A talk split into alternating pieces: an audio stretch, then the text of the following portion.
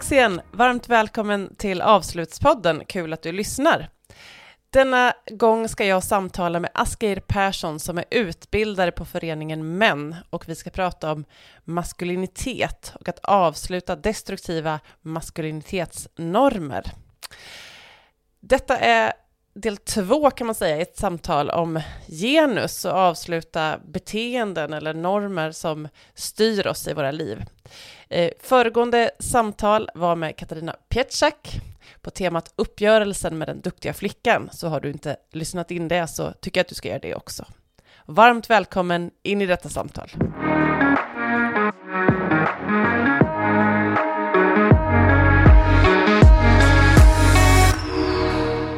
Asgeir Persson, välkommen till Avslutspodden. Tackar, tackar. Du arbetar för föreningen Män Göteborg med att förändra destruktiva maskulina normer genom medskapande samtal. Eh, många saker där som jag tänker vi kan prata, prata lite mer om i det här samtalet. Men jag tänker att jag låter dig introducera dig själv lite, lite mer. Berätta lite, vem är du, Asgeir? Ja, som sagt, jag jobbar ju eh, till vardags i en förening som heter Män. Och vi jobbar ju med alltså dels idén på hur man ska vara man, eh, men också våldspreventivt. Och för oss så finns det en väldigt tydlig koppling i att, att motverka våld och att, att arbeta med maskulinitet. För vi tänker att det finns en, en stark koppling i det. Och det, vi, det mesta vi försöker göra är att få till ett samtal egentligen. Um, när jag en gång i tiden gick lärar, lärarprogrammet och kom ut därifrån um, så tänkte jag att jag skulle gå ut och frälsa världen. Jag skulle gå, dit, gå ut i skolorna och liksom vis, berätta för barnen, så här ska man vara uh, och så här ska man göra. Men det märker man ju rätt snabbt att det funkar ju inte riktigt så. Det är, vi, kan inte, vi kan inte utveckla människor och vi kan inte heller utbilda människor. Vi kan ge människor en chans eller liksom förutsättningar för att utbilda sig själv eller för att utveckla sig själv. Så, så det vi försöker skapa nu är ju liksom plattformar eller rum där människor kan utvecklas. Du nämnde ordet maskulinitet. Och jag tänker det är liksom, man pratar om maskulinitet och femininitet. Kan du beskriva lite vad, liksom, hur, hur jobbar ni med, eller beskriver ni ordet maskulinitet? Ja, det är ju, på ett sätt så är det ju, jag tänker att de flesta av oss förstår det intuitivt för att vi, vi lever i en värld som är väldigt kodad. Ehm, allting vi ser omkring oss, om man går in i en affär, är liksom kodat för att antingen passa eh, en tänkt manlig köpare eller en tänkt kvinnlig köpare. Men genus, eh, maskulinitet, femininitet är ju det är ju klurigt. Så, det är ett väldigt stort system. Och vår förståelse av det är ju att det är en social konstruktion. Så. Vi tillsammans eh, bygger upp en idé om hur, hur är en man och hur är en kvinna? Och sen genom att göra handlingar som liksom speglar de här värdena eller speglar de här idéerna så, så gör vi kön i vår vardag. Ehm, så när jag väljer kläder på morgonen så gör jag ju det många gånger med en, en tanke om vilket kön eller vilket genus jag vill visa upp. Och hur man gör genus eller maskulinitet är också olika i olika sammanhang. Maskulinitet eh, ser ut på ett sätt i styrelserummet och ser ut på ett helt annat sätt i omklädningsrummet och på ett helt tredje sätt i, i skolsalen. Så. Det är olika saker vi behöver göra för att ses som att vi passar in i den här idén om maskulinitet eller femininitet. Eh, och beroende på hur vi gör det så får vi ju också antingen eh, vad heter det, sanktioner eh, eller belöningar beroende på hur, hur bra vi tolkar vad, vad som förväntas av oss. Om du tittar tillbaka på din uppväxt, hur ser du att det här liksom, eh, att maskulinitet har påverkat dig, den, liksom, den konstruktionen? Men väldigt mycket skulle jag säga. Jag tänker att de allra flesta av oss är rätt påverkade av de här systemen, även om man tänker att man gör många av sina val fritt. Och på ett sätt så har vi ju fria val. Men samtidigt går man ut och tittar i en, i en skola och sen tittar man på frisyrerna, alltså hur, vilka frisyrer barnen väljer att ha, eller deras föräldrar väljer att de ska ha. Så ser vi ju att, att de här individuella valen följer väldigt tydliga mönster. Och så var det ju såklart också i min, min uppväxt. Jag spelade aldrig fotboll, men jag började å andra sidan tidigt med tv-spel och dataspel, vilket jag tänker är förväntat Eh, eller liksom kodat maskulint. Jag började ju tidigt hänga med, eller tidigt, men, men i mina tonår så hängde jag ju med punkarna som en antikultur, så, som, som tar avstånd ifrån från samhället. Och i det så fanns det ju också mycket vänstertankar och, och också feminism. Men samtidigt så gjorde vi ju kön lika, lika mycket som, som det här tänkta samhället som vi tog avstånd ifrån. Så. Det var ju lika tydliga idéer om vad killar och män skulle göra för att få status inom den gruppen som inom ett majoritetssamhälle. Även om det ser, såg lite annorlunda ut, återigen det här att man, man gör olika på olika, i olika sammanhang. Men mycket klara sig själv, har ju varit en sån stark, alltså att inte behöva någon annan, att inte behöva förlita sig på någon annan. Eh, väldigt få nära vänner som man kunde prata med, utan mer kanske några bundsförvanter som man liksom eh, hittade på rackartyg ihop med, men, men inte det här eh, någon man kunde öppna upp sig för och, och det möjligheten att kunna öppna upp sig har ju inte heller liksom men det, man har inte ens tänkt på den möjligheten eller ens saknat den eh, möjligheten. Så. Och det har ju blivit tydligt när, man, när jag i vuxen ålder tittar tillbaka efter väldigt många timmars terapi eh, och ser vilka ohälsosamma mönster man, jag har med mig från det som, som i mångt och mycket fortfarande sitter kvar. Det finns ju, jag tänker så här, det är ju intressant också för det känns som att så här, maskulin och fem, maskulinitet och femininitet, de är ju, har ju i samhället blivit rätt liksom polariserade.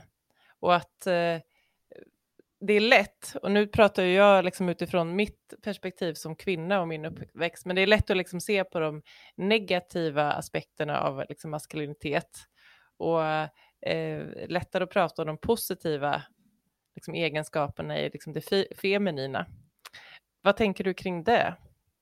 Nej men så är det ju och jag tänker det är ju också var vi är någonstans i tiden där vi ser att vi har haft en rörelse för, för jämställdhet och för kvinnors rättigheter som har varit väldigt, ja men det är, det är lätt att få in energi i den kampen. Men vi ska ha samma rätt till liksom, eh, sitta i riksdagen, vi ska ha samma rösträtt, vi ska ha samma lön. Alltså det är liksom väldigt, det är väldigt tangibla saker man pratar om.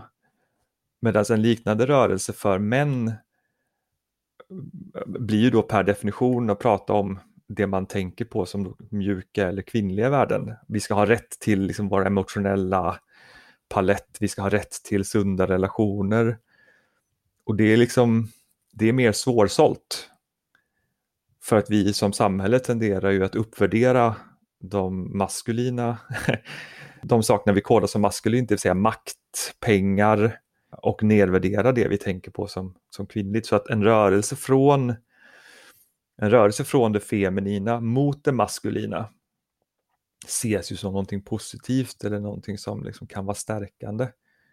Det kan vi ju se på, på unga tjejer som, som gör killsaker kan ju ofta ses som liksom, ja men, eh, det ses som någonting kul eller lite positivt eller liksom ehm, vad kul att tjejerna spelar fotboll. Så det är ju fortfarande inramningen blir ju fortfarande tjejfotboll eller damfotboll så, men, men det är fortfarande, det finns en positiv rörelse i det medan killar som gör den resan rör ju sig på något sätt neråt i en statushierarki och det ses ju som mer negativt eller mer problematiskt. Så.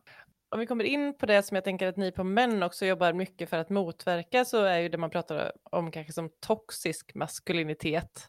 Jag, jag ser liksom lite framför mig också någon sån här machomans liksom, ideal, eller den här liksom, mm. där det inte bara handlar om mm. att så här, jag eh, spelar dataspel eller fotboll snarare än att gå och dansar, utan mm. kanske också använder vi vissa liksom maktfaktorer för att trycka ner eller mm ibland kanske skadar liksom en, en annan person eller vad det kan vara, det som kan vara liksom våldsutövande som i, liksom, i, i sin absolut värsta form av det.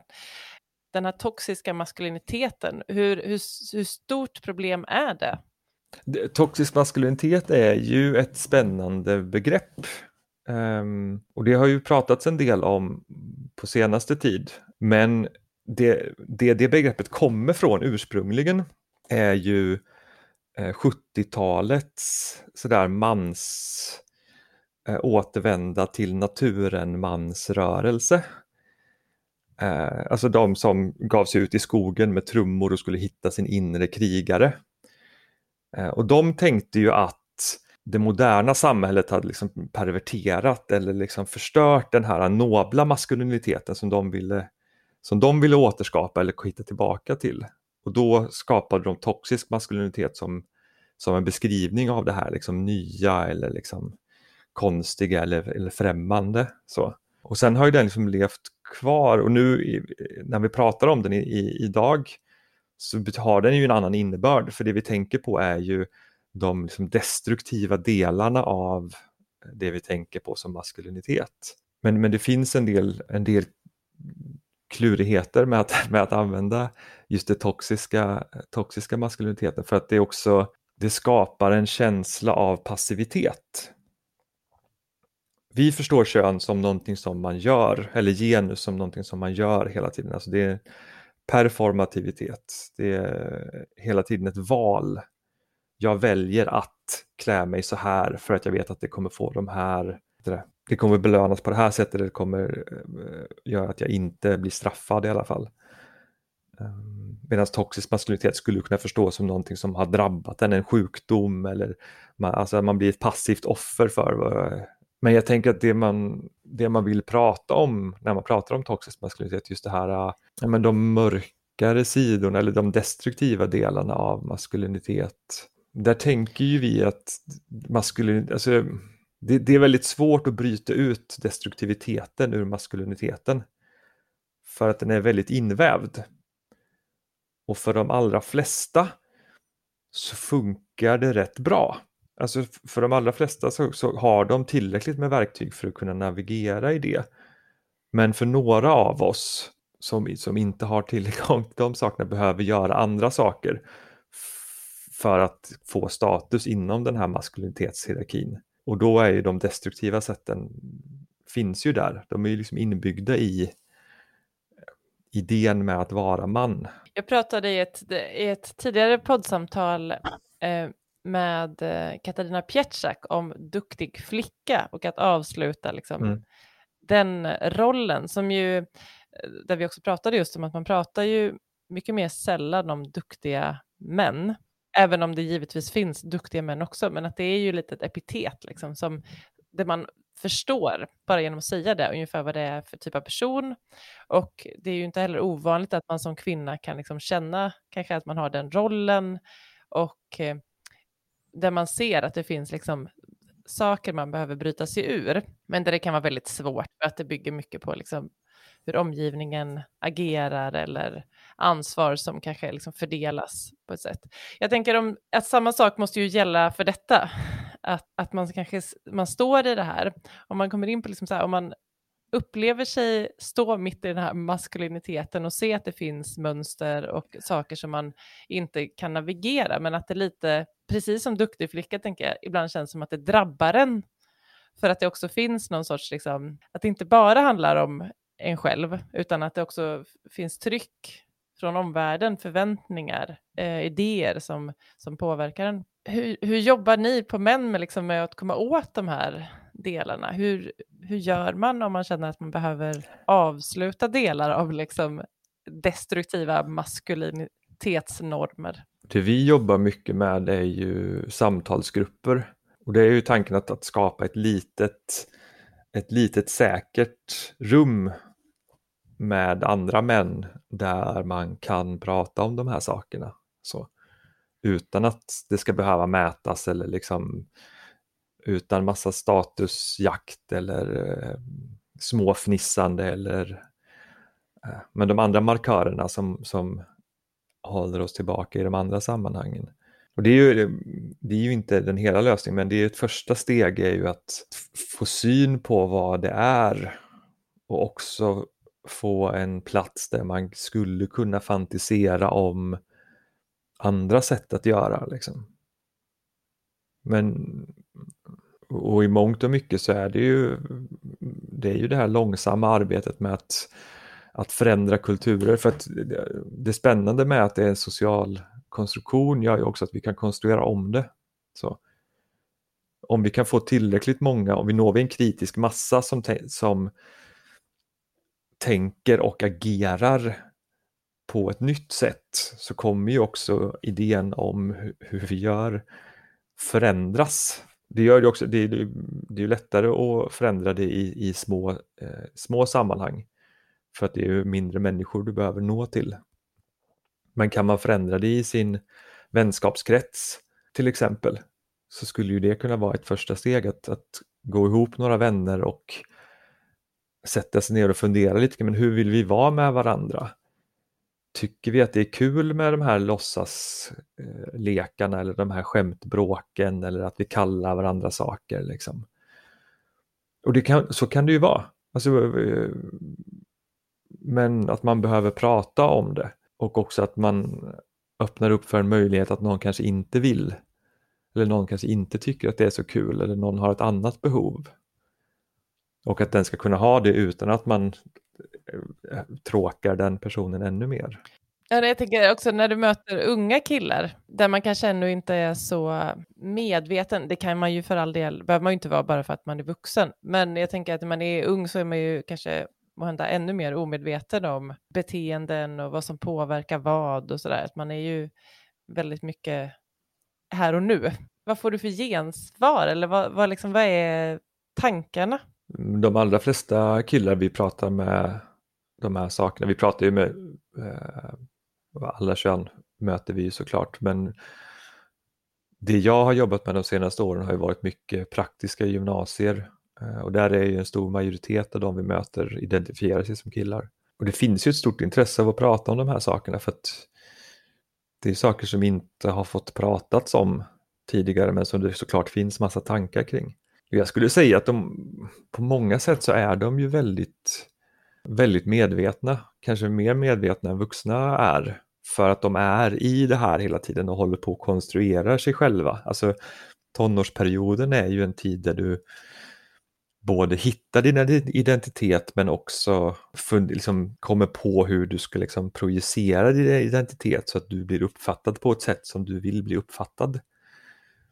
Och där är ju kön eller genusperformativiteten är ju en otroligt viktig del av det. Och där är det ju också som du säger just det här med att alltså, på ett sätt så är det ju ett eget val. Men beroende på vilka val du gör så får du ju också reaktioner från omgivningen. Och är du i en väldigt hård och maskulin miljö och, och gör liksom saker som avviker från det så, så kommer ju också reaktionerna bli starka och i, i, värsta fall så kan ju reaktionerna till och med bli våldsamma. Vi har jobbat en del på ungdomar som sitter inne, alltså på um, SIS-hem. Antingen som är omhändertagna eller som, som sitter eh, eh, som en del av ett straff. Och i de miljöerna så kan vi ju inte eller jag tänker inte att vi kan uppmana dem att helt sluta tänka på att göra maskulinitet för att det kan vara direkt farligt för dem i den miljön. Om de skulle börja öppna upp sig och visa sitt, sitt innersta jag eller bete sig på ett sätt som kanske ligger i linje med hur de skulle vilja bete sig i en miljö som är väldigt hostil eller väldigt våldsam så är det direkt farligt. Det är ju svårrörligt, det är ju, går ju ändå sociala konstruktioner men det är ju sekt. Och det bygger ju just på det här kritisk massa. Vi har ju fått till jättebra samtal i smågrupper på de här SIS-institutionerna. Men, men du, när de väl går ut därifrån igen så är det ju en, en, en verklighet som är väldigt hård. Jag hörde någon gång att eh, i, på en föreläsning att så här, små killar redan på lågstadieåldern går runt och har liksom en aktiv spänning i typ solarplexus, runt solarplexus för att man är så van vid att ta emot slag på skolgården. Mm. Hur gör man som förälder till en, eh, till en, en person som eh, definierar sig som pojke? Hur kan man liksom stötta det barnet tidigt? Ja, men jag tänker mycket av det man vill jobba med är ju alltså det kompensatoriska, man, att, att ge de här pusselbitarna som, som kanske inte traditionellt sett tillhör den, den rollen eller den, den positionen. Träna på det empatiska, träna på att prata, sätta ord på känslor, sätta ord på det som är jobbigt. Och just apropå det här med, med det lågintensiva våldet. Vi pratar ju mycket om det när vi är ute i skolor, just det här att men att, att gå genom en, en korridor eh, och hela tiden vara liksom, var beredd på att det kommer komma en stol flygande eller att någon knuffar in dig i ett skåp. Det gör ju någonting med dig, så att hela tiden vara på spänn. Dels är det ju svårt för dig att fokusera på lärandet. Det kommer ju också vara svårt för dig att fokusera på sociala relationer och du kommer ju förmodligen inte heller må så bra i det. Så, så att finnas där för sin, sitt barn, sin son och kunna liksom sätta ord på de sakerna och också tydliggöra att men det du upplever nu är inte, det är inte rimligt. Liksom. Det ska inte vara så, man för, förtjänar att kunna, alltså, för det är ju deras arbetsplats. Skolan är ju där, och vi har ju också skoltvång, så det är ju där barnen måste vara. Och att det, det fortfarande finns många skolor där barn många barn är rädda för att gå till är ju ett jättestort problem. Så. Och ett stort misslyckande, alltså dels för skolan men för liksom vuxen, alltså för alla oss företrädare för vuxenheten. Liksom. För att vi har ju skapat en, en struktur där också våld, men det, det liksom strunt, det, det ses inte det ses inte som så, all, man tar inte tag i det så mycket. För att vi tänker, när vi tänker våld så tänker vi en skala.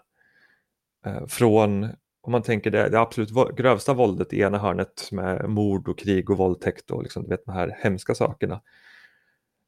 Och så tänker vi liksom hela vägen ner till ja, men en, eh, en blick eller en kroppshållning eller eh, att vända sig bort från någon.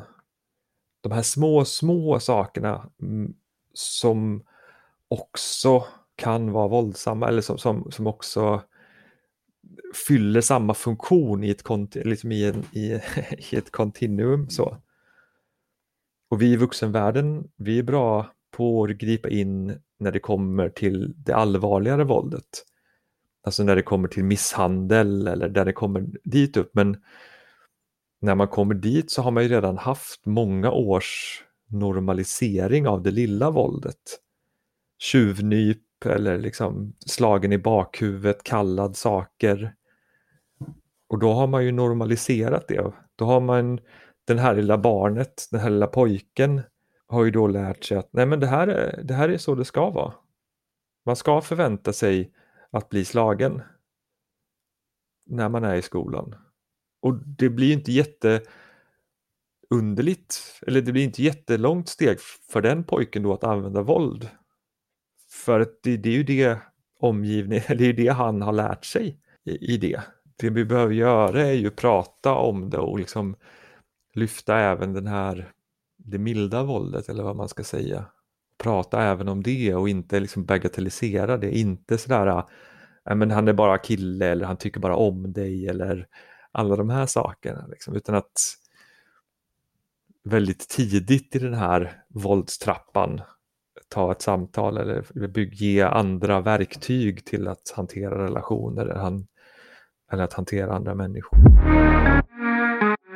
När jag lyssnar på dig så känner jag att jag får väldigt, eh, ja men det är ju lätt att få ont i magen, särskilt när man har en son själv och inser liksom ansvaret som eh, ju någonstans också finns som förälder. Och så tänker jag så här, om du fick liksom blicka ut i samhället, för någonstans så är det ju också ett samhällsansvar. Det ligger ju på alla vuxna runt, eh, runt barnen. Det ligger ju på oss alla som medmänniskor runt varandra. Men jag tänker också, finns det saker som vi i samhället skulle kunna göra för att kunna liksom, komma någonstans närmare ett avslut av det här liksom, ohållbara, destruktiva maskuliniteten som, som finns med?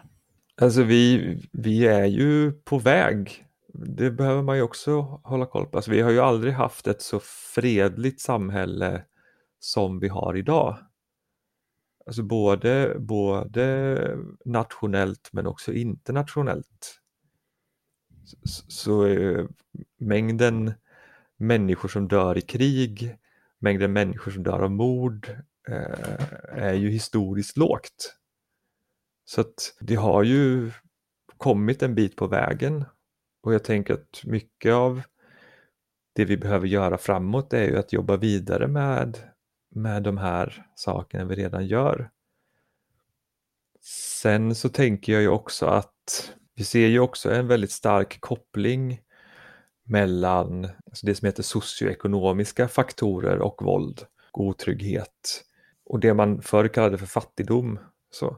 Och, och det är ju både i, i det som benämns som utanförskapsområden men också landsbygd, gamla bruksorter. Alltså vi, i alla de miljöer där vi ser att det finns människor som har väldigt få valmöjligheter eller väldigt få resurser tillgängliga till sig så ser vi ju att, att våld är ju en av de liksom, sista resurserna vi, vi tar till för att kunna komma någonstans. Liksom. Så jag tänker att desto jämlikare samhälle, alltså också ekonomiskt, desto mer vi kommer åt det hållet, desto mindre våld kommer vi också ha. Och det går ju på hela skalan så att får vi ner misshandel och morden så får vi också ner det, det milda våldet. Men där ser vi ju, vi ser ju en avmattning där. Sverige till exempel har ju de senaste tio åren blivit mer ojämlikt. Och jag tänker mig att det inte det är svårt att profetera, profetera, om, eh, profetera om, om framtiden. Men jag tänker mig att det inte är helt orimligt att man om tio år kanske kommer kunna se en avmattning i våldsminskningen. Också kopplat till att skillnaden mellan de som har mest och de som har minst ökar och att det finns delar av samhället som är låsta i någon form av utanförskap eller som, som blir låsta i någon form av utanförskap. Det är också ett görande i det. Det är inte någonting som bara händer utan det är aktiva val, politiska processer. Om man vill komma i kontakt med er på föreningen Män och, och jobba mer med de här frågorna, antingen tänker jag i liksom sin skola eller så här, hur gör man då? Vill man som alltså, egen, egen person komma i kontakt med oss så har vi ju dels eh, samtalsgrupper som vi arrangerar på många delar eh, av landet. Vi har ju är man en lärare som vill jobba med det här så har vi ju metodmaterial. Machofabriken till exempel som är riktat mot skolan och eh, ja, tonåren eh, mycket. Sen så beror det ju på lite vad, vad det är man, vad, vilket behov man har. Är man en ung kille som vill prata om de här sakerna så har vi ju en eh, chattjour, eh, killar.se, där man kan ringa om man har funderingar, tankar eh, kring det här. Så antingen kring sina egna mönster i det eller att man om man nu försöker bryta sig ur det, hur man ska göra. Vi har en samtalsmottagning som också är kopplad till killar.se om man har till exempel använt våld och vill sluta med det så finns det stöd att få i det. Men annars eh, nu för tiden är vår hemsida rätt lättillgänglig så, att, så att, eh, jag tror att det är en bra, en bra första portal om man vill se. Och vilken eh, adress har ni dit?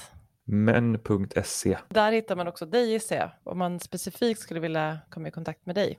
Ja, precis. Eh, mig hittar man, det är lite klurigt för att jag, jag är ju anställd i en lokalgrupp så att man får leta lite, men, men eh, letar man runt lite så hittar man mig efter ett tag.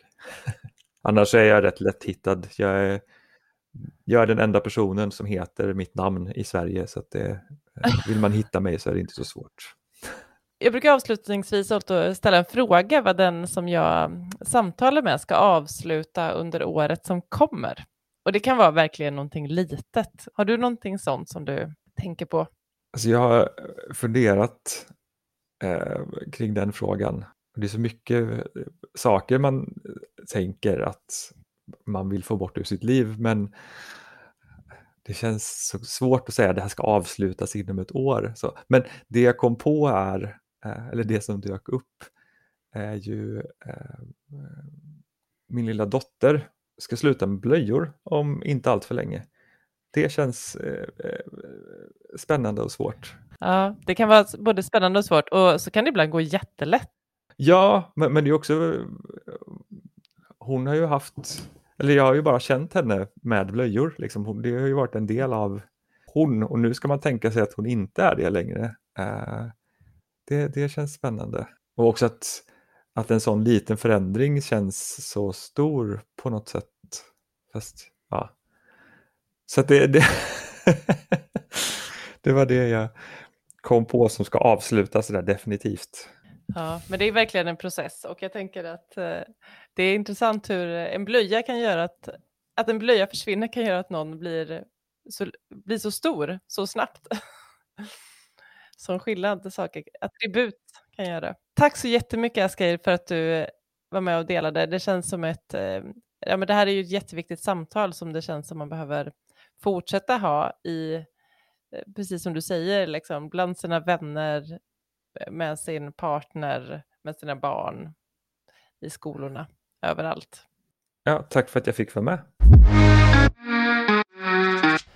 Och jag som står bakom avslutspodden heter Fanny Bergström Buller och jag driver den här podden för att jag tycker att det är så viktigt att vi pratar mer om avsluten i våra liv. Om vi pratar mer om avslut så kommer vi lära oss mer och bli bättre på att se nya möjligheter. Det är min idé med den här podden. Så följ podden i din poddspelare, tipsa nära och kära och börja prata om avslut över middagsbordet. Och med det sagt så vill jag också tacka dem som hjälper mig med produktionen av podden. Vi hörs igen om två veckor.